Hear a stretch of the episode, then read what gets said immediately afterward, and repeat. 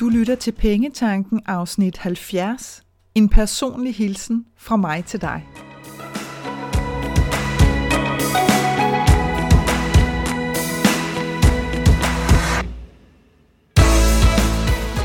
Velkommen til Pengetanken. Jeg hedder Karina Svensen. Jeg fokuserer på hverdagsøkonomi med et livsfokus. Når du forstår dine følelser for dine penge og dine tankemønstre omkring din økonomi, så har du direkte adgang til det liv, som du ønsker at leve. Lad os komme i gang. Jeg har indtalt 69 afsnit af min podcast indtil videre, og det her er afsnit 70. Og pludselig så gik det sådan op for mig, at hmm, det kunne godt være, at jeg i virkeligheden skulle præsentere mig selv på et lidt dybere plan, sådan så at du slipper for at gætte dig til, hvem er det egentlig, der sidder der bag podcasten. Så jeg har lyst til at bruge dagens afsnit i dag på at dele lidt af mig selv med dig. Jeg kommer til at give dig et øh, indblik i, hvordan at mit øh, liv ser ud, ud fra de indsigter, som jeg har gjort mig undervejs, og som jeg ved Gud stadigvæk gør mig hver evig eneste dag. Jeg tror på, at livet er en evig rejse, så nu kommer du med på en del af turen. Jeg er vokset op i en øh, lille bitte by. Jeg tror vel, der var omkring 1000 indbyggere i, i den sådan, jeg plejer at sige, ikke eksotiske del af Nordsjælland, altså den del, som sådan ligger ude til venstre. Øh, der ligger øh, nogle byer, der hedder Hundested og Hillerød og Frederikssund, og derimellem der ligger der øh, sprøjtlakeret ud over landskabet en masse små byer, og i en af dem, der boede jeg. Som var et skønt sted, da jeg var barn, fordi at man øh, kunne rende rundt øh, alle steder, uden at vores forældre behøvede at være bekymrede om noget som helst. I det øjeblik, man blev teenager, så begyndte det altså at blive lidt strengt, fordi man var vidderlig ude for landslov og ret, så der var ingenting at lave. Da jeg var teenager, der, øh, og barn i virkeligheden også, der var jeg faktisk ret kreativ. Jeg kom sådan til at sidde og tænke på det her, da jeg sad og forberedte mig til dagens afsnit, hvor jeg tænkte, hvad, hvad lavede du egentlig? Og udover at jeg selvfølgelig øh, legede med mine venner og var sammen med mine veninder, jamen så skrev jeg øh, alt muligt. Jeg elskede at skrive billedstil øh, i dansk. Det var nogle af de bedste lektier, jeg kunne have for, fordi der kunne jeg virkelig bruge min fantasi. På et tidspunkt så kom jeg også øh, øh, i kontakt med Amnesty International. Spørg mig ikke, hvordan det skete, det kan jeg simpelthen ikke huske. Men det var den gang, hvor at, øh, at vi stadigvæk sendte breve, fysiske breve rundt i verden. Og der blev jeg meget optaget af, af sådan verdens uretfærdigheder. Og i den forbindelse, der... Øh, der udgav de nogle blade, kan jeg huske, hvor der blandt andet var nogle øh, fanger i USA, som sad på dødsgangen, som, hvor man vidste 100% at de var uskyldige, men, øh, men de sad altså ligesom til at skulle henrettes. Og så kunne man så kunne man skrive de her breve til guvernørerne rundt omkring de forskellige stater. Der var lavet sådan et eksempel på et brev, man kunne sende. Og det kan jeg huske, det var sådan meget fascineret af, at det kunne jeg i hvert fald gøre. Øh, så jeg var ikke sådan typen, der tog ind på rådhuspladsen og stod med banner og råbte røv af nogen, men, men det her med at kunne sidde hjemme på mit teenageværelse og så skrive og sende de her breve, det synes jeg var, det synes jeg føltes godt. Og indimellem så fik man jo også nogle responser tilbage om, at nu var den her person blevet løsladt, og så, øh, og så gav det lige pludselig sådan lidt dybere mening.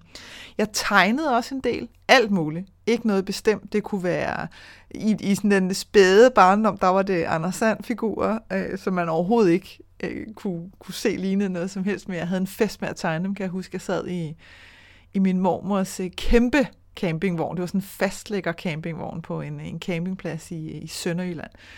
Og, og der tegnede jeg og tegnede jeg og tegnede jeg hver eneste sommer.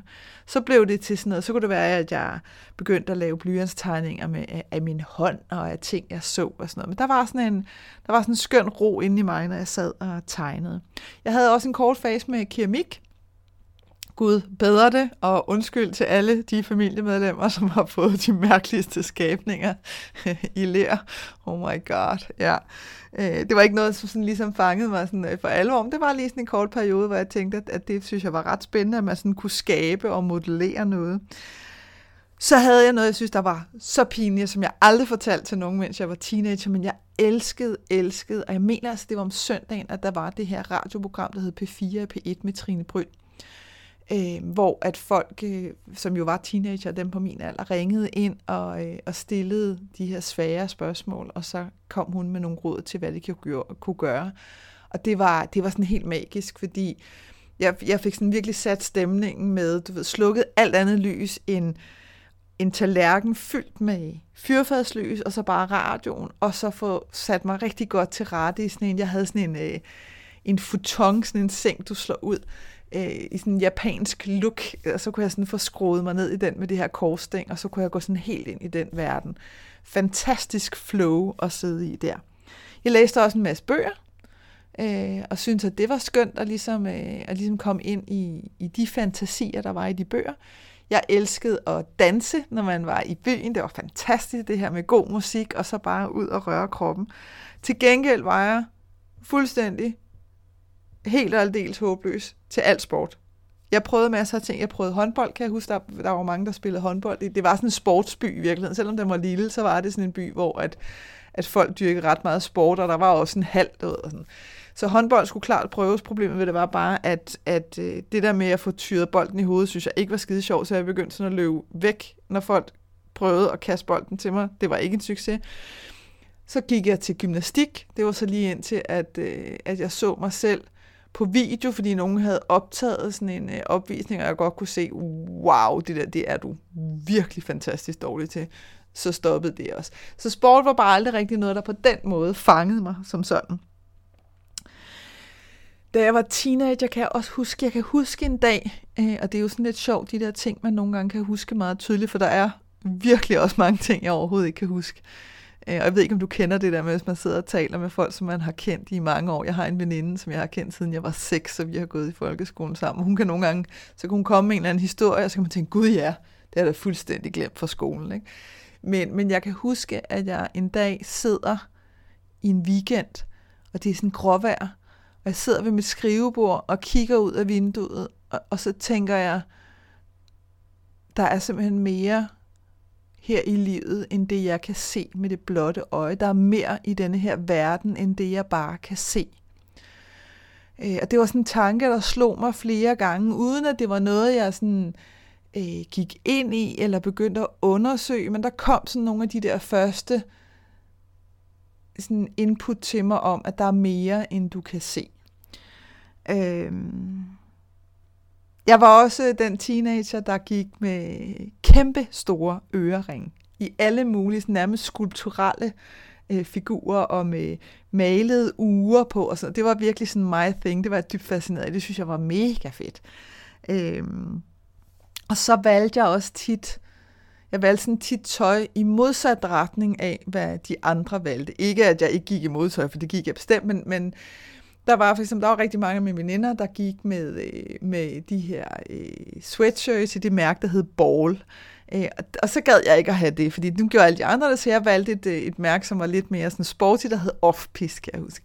Og det var sådan, det var sådan min øh, indre rebelske, det var lige det, jeg sådan kunne strække mig til, rent i mode. Til gengæld så var jeg fuldstændig med på moden med øh, overpermanentet hår i guder. Øh, og... Øh, og du ved, de her lyserøde og mørke lille øjenskygger fra Gosh, og den her koboldblå, oh my god, den koboldblå øh, eyeliner, og alle de her ting. Så, så mere off i forhold til alle de andre var jeg altså heller ikke. Jeg kom i handelsskolen som 15-årig, fordi at jeg var startet et år for tidlig i skole. Jeg startede i første klasse, da jeg var 6. De der øh, bad børnehaven mine forældre om at få sendt mig i skole, fordi jeg lavede simpelthen øh, for meget ballade nede i børnehaven, og de mente, at jeg var klar. Øh, og så gik jeg ud i 9. klasse, så derfor så endte jeg simpelthen i handelsskolen som 15-årig. Som 18-årig tog jeg til Paris, øh, og allerede dengang, det slog mig også, mens jeg sad og forberedte mig her, allerede dengang, der tænker jeg sådan, hold op, er der egentlig mange gange, også i løbet af min teenageår, hvor jeg har, hvor jeg virkelig har fulgt min intuition. Altså der, hvor jeg har kunne mærke, at det her skulle jeg, eller det her skulle jeg ikke. Og så gik jeg simpelthen efter det. Paris var nok en af de første gange, hvor at at jeg begyndte at mærke, øh, hvordan at omverdenen kunne reagere imod nogle af de beslutninger, jeg havde truffet, og hvordan jeg ligesom skulle forsøge at forholde mig til, jamen var det så mig, der var forkert, eller var det bare en holdning, de havde? Øh, og det kan jeg huske, det var, det, det, var, det var sådan en af de første gange, hvor det sådan slog mig, at okay, det, er, det her det er altså en del er sådan, som livet også kan være. Det er ikke, det er ikke altid, at alle er enige med dig, og hvordan lærer du så at mærke, at du kan stole på dig selv, og det, der føles rigtigt for dig. Så, så det begyndte jeg at, øh, at være mere og mere sådan bevidst om dengang. Til gengæld så øh, overhørte jeg også bevidst min intuition af flere omgange, øh, og og også hvor det endte op med faktisk at blive ganske alvorligt, da jeg boede i Paris, var jeg udsat for et væbnet røveri. Det lyder jo meget voldsomt, og det var det øh, faktisk også, kan man sige. Men, men der kan jeg huske bagefter, at, at jeg havde og nu skal jeg prøve at forklare det på bedst mulig vis, så det ikke lyder som om, jeg er fuldstændig skør i bæret. Når jeg siger, at jeg hører, så er det ikke på, på den måde en lyd som sådan, men det er ved sådan en bevidsthed i mit hoved. Og hvis der er, hvis, hvis der er noget, øh, hvor at, at mit system og min intuition ligesom forsøger at advare mig, så føles det som klokker.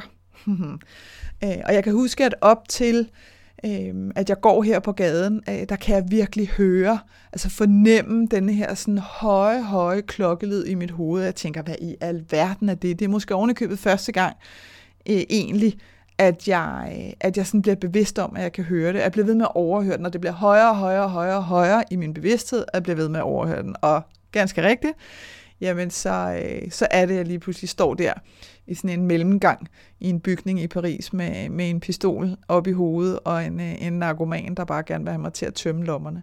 Øh, og heldigvis skete der ikke mere end det, men det var selvfølgelig på det tidspunkt en meget voldsom oplevelse.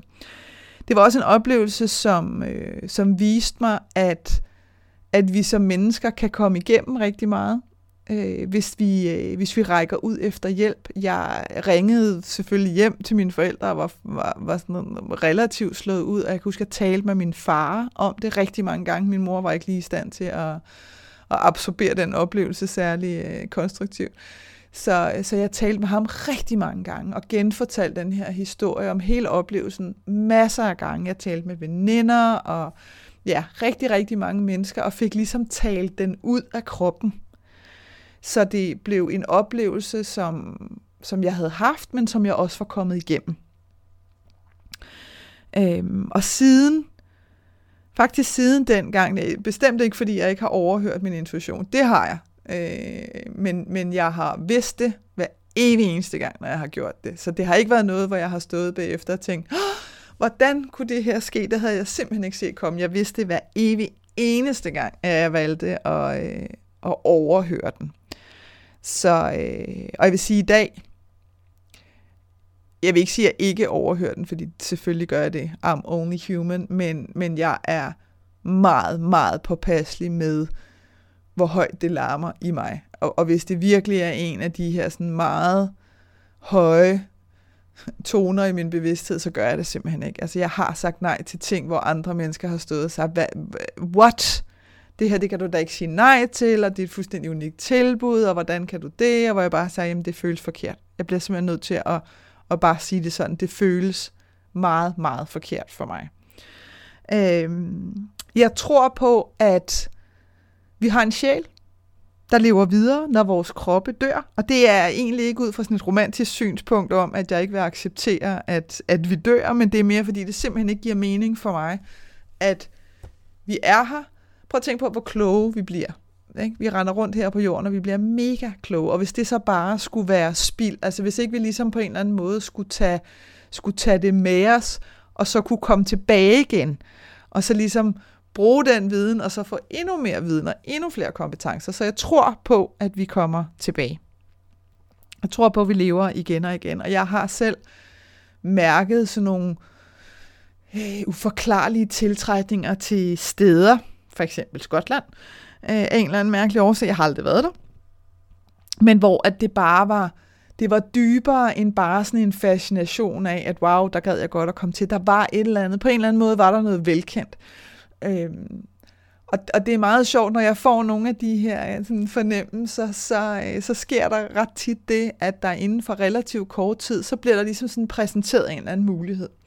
Så på et tidspunkt, så bliver jeg, øh, så bliver jeg præsenteret for en kvinde op i Nordsjælland, jeg mener det er Humlebæk, øh, som kan tage en tilbage til tidligere liv, og det blev jeg meget fascineret af, og tænkte, wow, det kunne være mega sjovt at prøve. Og det var en, en fuldstændig mindblowing oplevelse. Altså, ja, og det må vi gemme til en anden gang, fordi det, det, det kunne jeg tale om i timevis, men det var, det var ret vildt at prøve.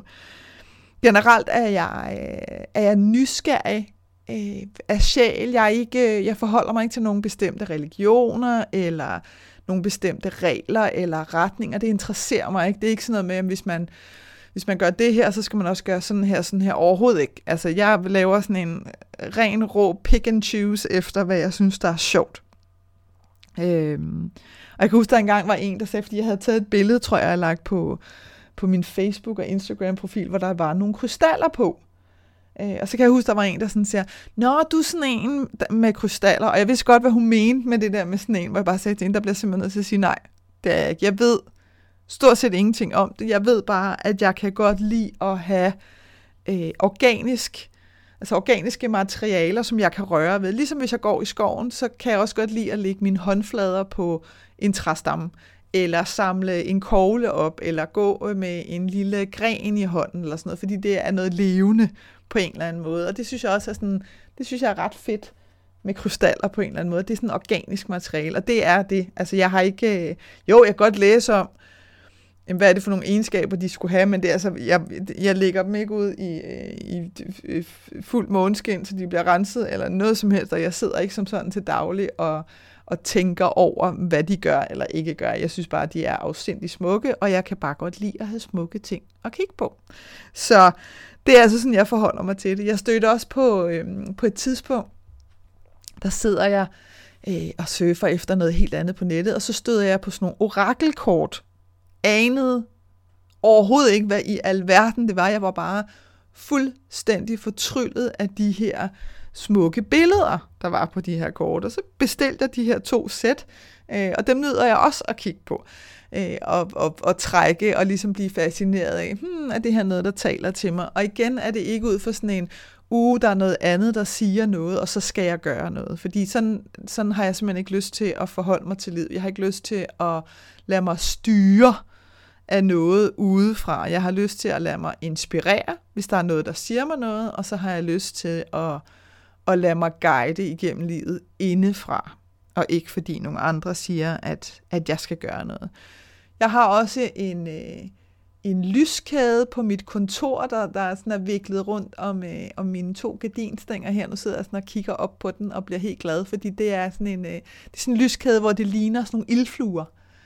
Sådan en masse små, fine lys, og det, det er for sådan, ja, det tager mig sådan med ind, og så kigger på den, så tager det mig sådan med ind i sådan et magisk rum, som, øh, som er ret fantastisk, når jeg skal når jeg skal inspirere mig selv til at være kreativ, som jeg sidder og er stort set hver eneste dag på mit kontor med alt, hvad jeg laver. Både når jeg indtaler podcast, og når jeg guider mine kunder i sessioner over telefonen, når jeg laver opslag på Facebook og LinkedIn og Instagram, når jeg øh, skaber videoer til min YouTube-kanal, når jeg laver online-kurser, you name it, så øh, er der jo fuld smadre på, øh, på kreativiteten. Og der er det sådan ret fedt at have de der lys at kigge op mod. Øh, så ja, jeg prøver ligesom at omgive mig med ting, som, øh, som inspirerer mig og fascinerer mig. Når det gælder, altså når det virkelig sådan bliver alvor, kan man sige, så bliver jeg øh, den her sådan helt rolige kriger, der har fuldt overblik og kun foretager de mest nødvendige og velovervejede handlinger. Lige op til den fase, der kan jeg sagtens have sådan en, en fase, hvor at, at jeg skal diskutere virkeligheden med mig selv, som er ekstremt opslidende øh, og dybt frustrerende, indtil at jeg ligesom overgiver mig og accepterer, nu ser virkeligheden sådan her ud, det her det er sket, øh, og nu er det altså denne her vej fremad. Øh, og det er øh, og det er sådan ret øh, det er sådan ret fedt i virkeligheden for mig at vide, at det er sådan, jeg fungerer, fordi jeg ved, at jeg kan stole på mig selv, når det bliver alvor. Øh, og det var faktisk også, øh, nu lige tilbage til Paris, og den oplevelse, jeg havde der med, med røveriet, det, der fandt jeg faktisk ud af for første gang, fordi der kan man jo tale om, at, at det for alvor blev alvor. og der kunne jeg sådan mærke den der sådan helt, øh, hvad skal man sige, sådan rolig tilstedeværelse lige der. Og, og ikke noget med at tænke fortid eller fremtid, men det galt virkelig om at være sådan 100% i nuet. Øh, og lige bortset fra, at den oplevelse jo selvfølgelig ikke var fed, så var det ret fedt at mærke den der sådan indre styrke indeni. Øh, og det gør også, at jeg kan træffe de her beslutninger i mit liv, som, som kan sende sådan min omverden lidt til tælling, altså hvor de er sådan lidt, hvorfor? Hvorfor vil du ændre på det her? Det gik jo lige så godt, eller øh, det var da en fed løn, eller det var da et fedt job, eller hvad det nu end har været, hvor jeg ligesom kan sige, ja, men, men det er bare ikke for mig længere. Øh, og hvis det er, hvis den tro i mig, hvis den vidshed i mig er dyb nok, jamen så går jeg med den følelse, uanset hvad. Altså, så kan der stå sådan et helt hylekor af mennesker omkring mig og sige, nej, det er skørt, og det skal du ikke, og sådan noget. Det er fuldstændig ligegyldigt. På det tidspunkt, hvor jeg kan mærke, at det er sådan her, det er, så er det det, jeg gør. Øh, og det gør også, at når jeg for eksempel sidder med, med mine kunder i session, som jo sker over telefonen, fordi så kan alle være med ligegyldigt, hvor de er henne i verden, jamen så, så gør det også, at jeg er i stand til at zoome fuldstændig ind og lytte 100% til, hvad de siger, og være til stede i den samtale 100% og mærke, hvad er det, jeg bliver guidet til at sige til dem nu? Hvad er det, der er det næste skridt for dem? Fordi vi har alle sammen hver vores vej. Der er ikke nogen facitliste hos mig. Der er ikke et eller andet med, jeg siger til alle, om så skal du gøre A, B, C, fordi sådan fungerer det simpelthen ikke. Det udspringer af, hvad er det, de fortæller mig, hvad er det, jeg kan mærke, hvad er det, jeg kan høre. Øh, for jeg sidder selvfølgelig også rigtig meget og lytter til, hvad er det for nogle ord, de bruger, hvad er det, de siger, hvad er det for nogle følelser, der ligesom flyder igennem øh, øh, stemme, sådan så, at jeg kan, øh, sådan så jeg kan guide dem absolut bedst muligt.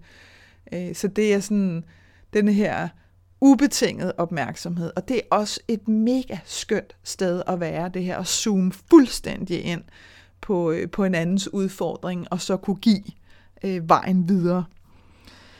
Det jeg ved, det er, at øh, vores følelser i høj, høj grad påvirker vores økonomi, også hvordan de gør det. Øh, og dermed også vores liv, fordi at vores økonomi i dag flyder ud i alle dele af vores liv. Jeg ved også, at penge er fløjtende ligegyldigt, når alvorlige situationer rammer os. Øh, og det er faktisk et ret sundt perspektiv for os alle sammen at have med, sådan, så vi ikke bliver lammet i forhold til vores penge og kommer til at tro, at jeg ved også, at vi alle sammen kan få et kærligt forhold til vores økonomi, hvis vi tør give os selv lov til at få det. Jeg ved, at, at vi alle sammen skal starte et sted, øh, og derfor så giver det mig også så umådelig stor glæde at hjælpe andre i gang eller videre på deres vej øh, til en økonomi, der giver mening for dem, fordi jeg selv har gået vejen. Jeg har selv mærket, jeg tror, jeg ærligt kan sige, at jeg selv har mærket hver evig eneste følelse, der er øh, i forhold til, til penge og økonomi, både af de dybeste og tungeste og mørkeste, og også af de lyseste og mest begejstrende følelser overhovedet. Jeg ved, hvordan det føles, når det er rigtig, rigtig svært og rigtig hårdt, og man tænker, at det her bliver aldrig bedre. Øh, og jeg ved også, hvor godt det kan blive, øh, hvis vi netop giver os selv lov til at tro på det. Så jeg har været igennem hele rusjeturen flere gange det, der fascinerer mig, det er, man kan vel egentlig sige, at det sådan er livet generelt. Det, det fascinerer mig, hvad, hvordan at, at livet sådan øh, tvister og, og sådan byder sig til med alt muligt, specielt hvis vi lytter efter. Øh, min egen rejse igennem fascinerer mig nogle gange, når jeg sidder og tænker tilbage og tænker, wow, Øh, Øh, prøv at tænke på, hvad du har oplevet og hvad du har gennemgået. Det er sgu egentlig ret vildt. Øh, det fascinerer mig også sådan universet generelt. Jeg er ikke, jeg er ikke religiøs, så, så jeg, det her med at tro på en Gud, øh, det er ikke noget, som, som føles rigtigt for mig. Jeg kan lidt bedre forholde mig sådan til universet, selvom det er uendeligt, så det kan måske lyde lidt, stør, lidt skørt med sådan universet som den her ressource, der for eksempel sørger for, at at jeg trækker vejret, uden at jeg tænker over det. Og jeg trækker vejret, når jeg sover. Hmm. Øh, jeg tænker også på universet som, som en del af, der, der ligesom på en eller anden forunderlig vis hver eneste dag får sådan spundet flere og flere tråde ind hele tiden i de her kæmpe tæppe, som er lige præcis mit liv, og at vi alle sammen har sådan det her kæmpe store tæppe med de her fine silketråde af alle vores oplevelser, øh, og alle de mennesker, vi er stødt på, og alle vores følelser og tanker. Det synes jeg er ret, øh, det synes jeg er ret fascinerende nogle gange at, at fortabe mig selv i at sidde og, og filosofere over. Det jeg elsker er de mennesker omkring mig, som jeg nærmest bedst kan beskrive som sådan en soul family. Jeg har et, øh, et lidt anderledes forhold til min, øh, til min øh, hvad skal man sådan sige, øh, organiske familie. Nu kan jeg ikke engang finde ud af, hvad pokker der vi plejer at kalde det. Nu sidder jeg her og leder efter et ord, men du ved, dem man er født af, og, og dem man sådan er, er, er forbundet med af blod. Øh, og, og jeg tror i virkeligheden ikke, at mit forhold er specielt usædvanligt i forhold til alle, fordi øh, alle de mennesker, eller mange af de mennesker, jeg i hvert fald har talt med gennem mit liv, der, der er altid en anden historie bag, bag de her familiehistorier. Det er aldrig livet af landet var lige til overhovedet. Men, øh, men jeg støder ind imellem på nogle mennesker, som som, som, hvor der bare er en dybere forbindelse på sådan uforklarlig vis, altså hvor man nærmest sådan smelter sammen øjeblikkeligt, og det synes jeg er, det synes jeg er en skøn øh, følelse. Jeg elsker at lytte til lydbøger og podcast med, med sådan andre vaskeægte mennesker, der har oplevet svære tider og gang på gang rejser sig, fordi så er det som om, jeg føler mig ikke så alene med de udfordringer, som jeg selv har haft, og som jeg også selv har. Øh, Øh, jeg oplever også stadigvæk, og det vil jeg gøre hele livet igennem, det gør vi alle sammen, tror jeg, modstand med jævne mellemrum, og noget, man skal overkomme, og noget, man skal igennem, og nye indsigter omkring en selv, og nye erkendelser om, hvor, hvor, ligger, hvor ligger grænsen nu, og, og hvad er det for nogle, øh, hvad er det for nogle yderkanter, jeg er ude at afsøge nu i mig selv. Jeg elsker at tænde øh, starinlys, gerne de her sådan store bloklys og flere af dem, hvor at, øh, at deres flamme står sådan blidt og bølger ud af øjenkrogen, mens jeg sådan skruer mig ned i lænestolen under tæppet med en god bog, som er en, en faktisk for nylig øh, genfunden passion, det her med at læse igen. Det har jeg ikke gjort i mange, mange år. Øh, og lige pludselig så kunne jeg mærke, at nu var det nu. Øh, Øhm, så jeg var oppe på biblioteket her for ganske nylig og bare låne en ordentlig stak bøger, som jeg, øh, som jeg allerede er fuld sving med, og det nyder jeg virkelig, det her med at, øh, at gå ind i en anden historie. Jeg elsker at binge-watche en serie øh, på Netflix hen over en weekend, hvor jeg bare er suget fuldstændig ind i det og glor fjernsyn i måske 20 timer eller sådan noget. Det er også sådan en, en fantasiverden at gå ind i på en eller anden måde, som kan være skønt nogle gange, specielt hvis jeg har øh, Øh, været meget, meget produktiv i, på mit kontor, eller været ude og holde foredrag, da man kunne det. Øh, så kan det være rart at lave noget helt andet og få noget variation på den måde. Jeg elsker også at gå ture i skoven i alt slags vind og vejr. Øh, der er sådan en på en eller anden måde sådan en særlig styrke i, i de her høje gamle træer, og det her med at opleve årstiderne for alvor, og se de smukke grønne blade lige når skoven springer ud, og og, og høre øh, de faldende efterårsblade sådan under, øh, under fødderne, når man går, og det rasler, og det er sådan en hel stemning i virkeligheden i de forskellige årstider. Og så bare det at trække vejret dybt og bare være ude i skoven, det synes jeg er fantastisk. Øh, jeg mediterer på en fuldstændig vanvittig, ustruktureret og, og helt uplanlagt måde. Øh, med en dyb fascination af, hvad en meditation i virkeligheden kan gøre øh, for min krop og mit nervesystem. Det, det bliver jeg til stadighed fascineret over. Men jeg havde sådan en tanke på et tidspunkt, at jeg tænkte, at det ville være godt at have sådan en daglig praksis med meditation, og jeg må bare kende, jeg fungerer bare ikke sådan. Altså det der med, med de der sådan meget faste rutiner på den måde, doesn't work for me. Så jeg går med inspirationen. Jeg går med, når jeg kan mærke, at nu har jeg lyst til det, når min intuition siger, nu sætter dig lige ned, og så lytter du til et eller andet. Øh, og det er heller ikke, øh, nogle faste steder. Jeg, jeg, jeg bimler sådan lidt rundt omkring og, og finder sådan nogle meditationsstykker, hist og pist. Øh, men, det, men det er sådan også sådan en, måske inden for de seneste par år, øh, at jeg sådan er blevet lidt fascineret af, wow, det er egentlig ret vildt, hvad der kan ske, når vi sådan får ro på sindet på den måde. Øh, ja, der er heller ikke nogen rytme til, til sådan mit forhold til træning på den måde overhovedet. Det var der engang. Øh, men det kan jeg også mærke, mm, der har jeg egentlig også mere lyst til bare at overgive mig til den rytme, der nu engang er øh, i mit liv. Og nogle gange så er det meget, og nogle gange er det lidt. Nogle gange har jeg lyst til at løbe, nogle gange har jeg lyst til, at det skal være roligt. Meget, meget forskelligt. Øh, jeg elsker at rådgive mine kunder øh, i sessioner og, og, og høre og mærke den her transformation, der altid sker. Der sker altid en ændring. Jeg er dybt fascineret af, hvor meget man kan nå på en time, for eksempel. Altså virkelig. Øh, og jeg har flere kunder, som har haft de her tre timers sessioner, hvor man har splittet dem op, og så har vi splittet dem op måske tre sessioner i en time, og hvor vilde forandringer, der kan ske på den tid. Øh, det synes jeg er dybt fascinerende.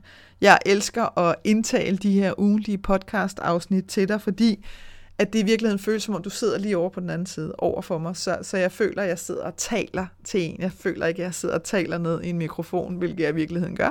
Men, men det føles meget nærværende, som om jeg kan mærke jer ude på den anden side. Øh, og det føles ret fedt.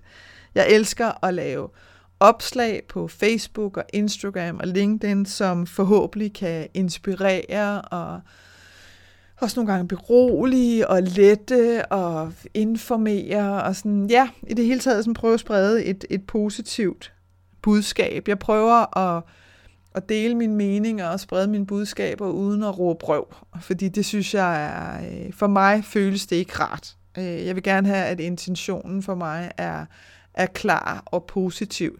Det er ikke ens betydende med, at der ikke er ting, som... Øh, som der kræver forandring, men jeg synes bare, for mit vedkommende, så har jeg mest lyst til at skabe forandring med et, et mindset af at, øh, at være pro noget, i stedet for at være imod noget. Øh, så kan jeg bedre lige at tage den vinkel, som siger, jamen det her kræver forandring, hvad er det, vi gerne vil forandre det til, og så fokusere på øh, det positive, vi gerne vil forandre det til. Det er bare mig. Sådan er jeg.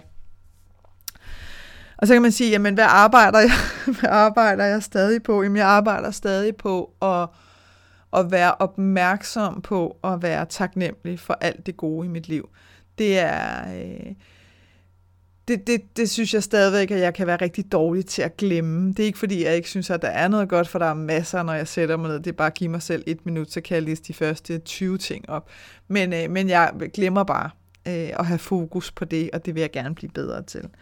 Øh, jeg arbejder også stadig på at være mere i nuet, fordi at det jo i virkeligheden er det eneste sted, der, der, der sådan eksisterer, kan man sige. Det er lige nu og her. Der er ikke nogen af os, der ved, hvad pokker der er, der sker om et minut. Så i stedet for det her med at blive fanget i fortiden, eller begynde at fortælle mig selv alle mulige historier om fremtiden, som jo altid, altså det er jo det, der er interessant fremtiden. 9 ud af 10 gange, så er det altid sådan nogle skræmmende historier, fortæller os selv. Ikke? Og så lige en, en enkelt gang ud af 10, så, så er det de her sådan, drømme og visioner om, ej, hvor bliver det fedt, når bog, min bog skal udgives i udlandet. Øh, så kan jeg have sådan nogle tanker omkring det, og så er det fedt at svømme væk i det. Men det, der sådan, det jeg sådan er fascineret af ved at være øh, i nuet rent tankemæssigt, og både øh, mentalt og følelsesmæssigt og fysisk for den sags skyld, det er, at når jeg er til stede lige nu og her, så har jeg også 100% kontakt til min intuition. Så kan jeg høre, hvad det er, der bliver sagt til mig. Det kan jeg simpelthen ikke, hvis det er, jeg ligger og bimler rundt alle de andre steder. Øh, altså i fortid eller fremtid. Øh, jeg arbejder også stadigvæk på at forstå og acceptere, det mener jeg egentlig positivt her, at jeg er en dybt, dybt kreativ sjæl, og det vil sige, at jeg har bare en, øh, en helt, helt anden arbejdsrytme, end den arbejdsrytme, jeg i virkeligheden har arbejdet under i langt, langt største delen af mit liv. Og det, der, der kom sådan et endnu et lag på for, ja, det er måske et halvt år siden eller sådan noget, hvor jeg så en, øh, en dokumentarserie på DR.dk øhm, med de her øh, forskellige typer designere, som skulle komme på Danmarks næste klassiker. Jeg mener faktisk, den hedder Danmarks næste klassiker. Det er sådan ret, øh, den er faktisk ret fed, så den kan anbefales at gå ind og finde på DR.dk. Men, øh, men der er altså de her forskellige designere, som jo er dybt kreative. Øh, og der er blandt andet en fyr, som, øh, som når han nu får stillet den her opgave, som kunne være design Danmarks næste klassiker i sofa jamen så gik han ud i naturen, og så brugte han tid på at gå rundt og kigge på, hvordan har naturen skabt løsninger, som han på en eller anden måde måske kunne genbruge i hans sofa, eller øh, mønstre, han kunne blive fascineret af. Eller noget. Og der slog det mig simpelthen, kan jeg huske, at jeg sad og så den udsendelse, og jeg tænkte, hey, det der, det er jo det, jeg gør. Men, men på en eller anden måde, så har jeg sådan følt det lidt som om, ah, Karina, altså, du kan jo ikke, altså, burde du ikke sidde på kontoret og bare sådan crunche, i stedet for at bimle rundt herude i skoven? Øh, og der gik det sådan op for mig, hey, det der er en del af min arbejdsproces. Og det var, det var ret befriende, men stadigvæk noget, som jeg, som jeg arbejder på at, at tage ind og acceptere, simpelthen fordi mit arbejdsliv bare fundamentalt set i så uendelig mange år har set så meget anderledes ud, og bestemt ikke været kreativ på den måde, som, som det er det i dag. Så ja, det var mig. Nu ved du, øh, nu ved du lidt mere om mig. Og hvordan ser, hvordan ser mit liv overordnet ud i dag? Jamen, øh, det er at, øh, at skabe rigtig mange ting her øh, i, min, øh, i min business til dig, sådan så at du kan få et mere kærligt forhold til din økonomi. Det er at tage opgaver ind, som øh, er helt anderledes i forhold til noget af det, jeg laver for dig, fordi jeg også øh, har erkendt, at variation er enormt inspirerende og vigtigt for mig. Øh, så ja, jeg gør, hvad der skal til, både for at, at tjene penge, fordi det skal også til, men, øh, men også for at, at få skabt variationen og få givet mig selv øh, mange forskellige kanaler i virkeligheden og trække inspiration ind fra. Så en øh, personlig hilsen her fra mig til dig. Jeg håber, at øh, det har givet dig lidt, øh, et lidt større indblik i, hvem jeg er som person. Øh, så øh, ja, jeg vil blot sende dig afsted med, med en lidt større bevidsthed om, hvem er det, der sidder her og taler til dig i podcasten.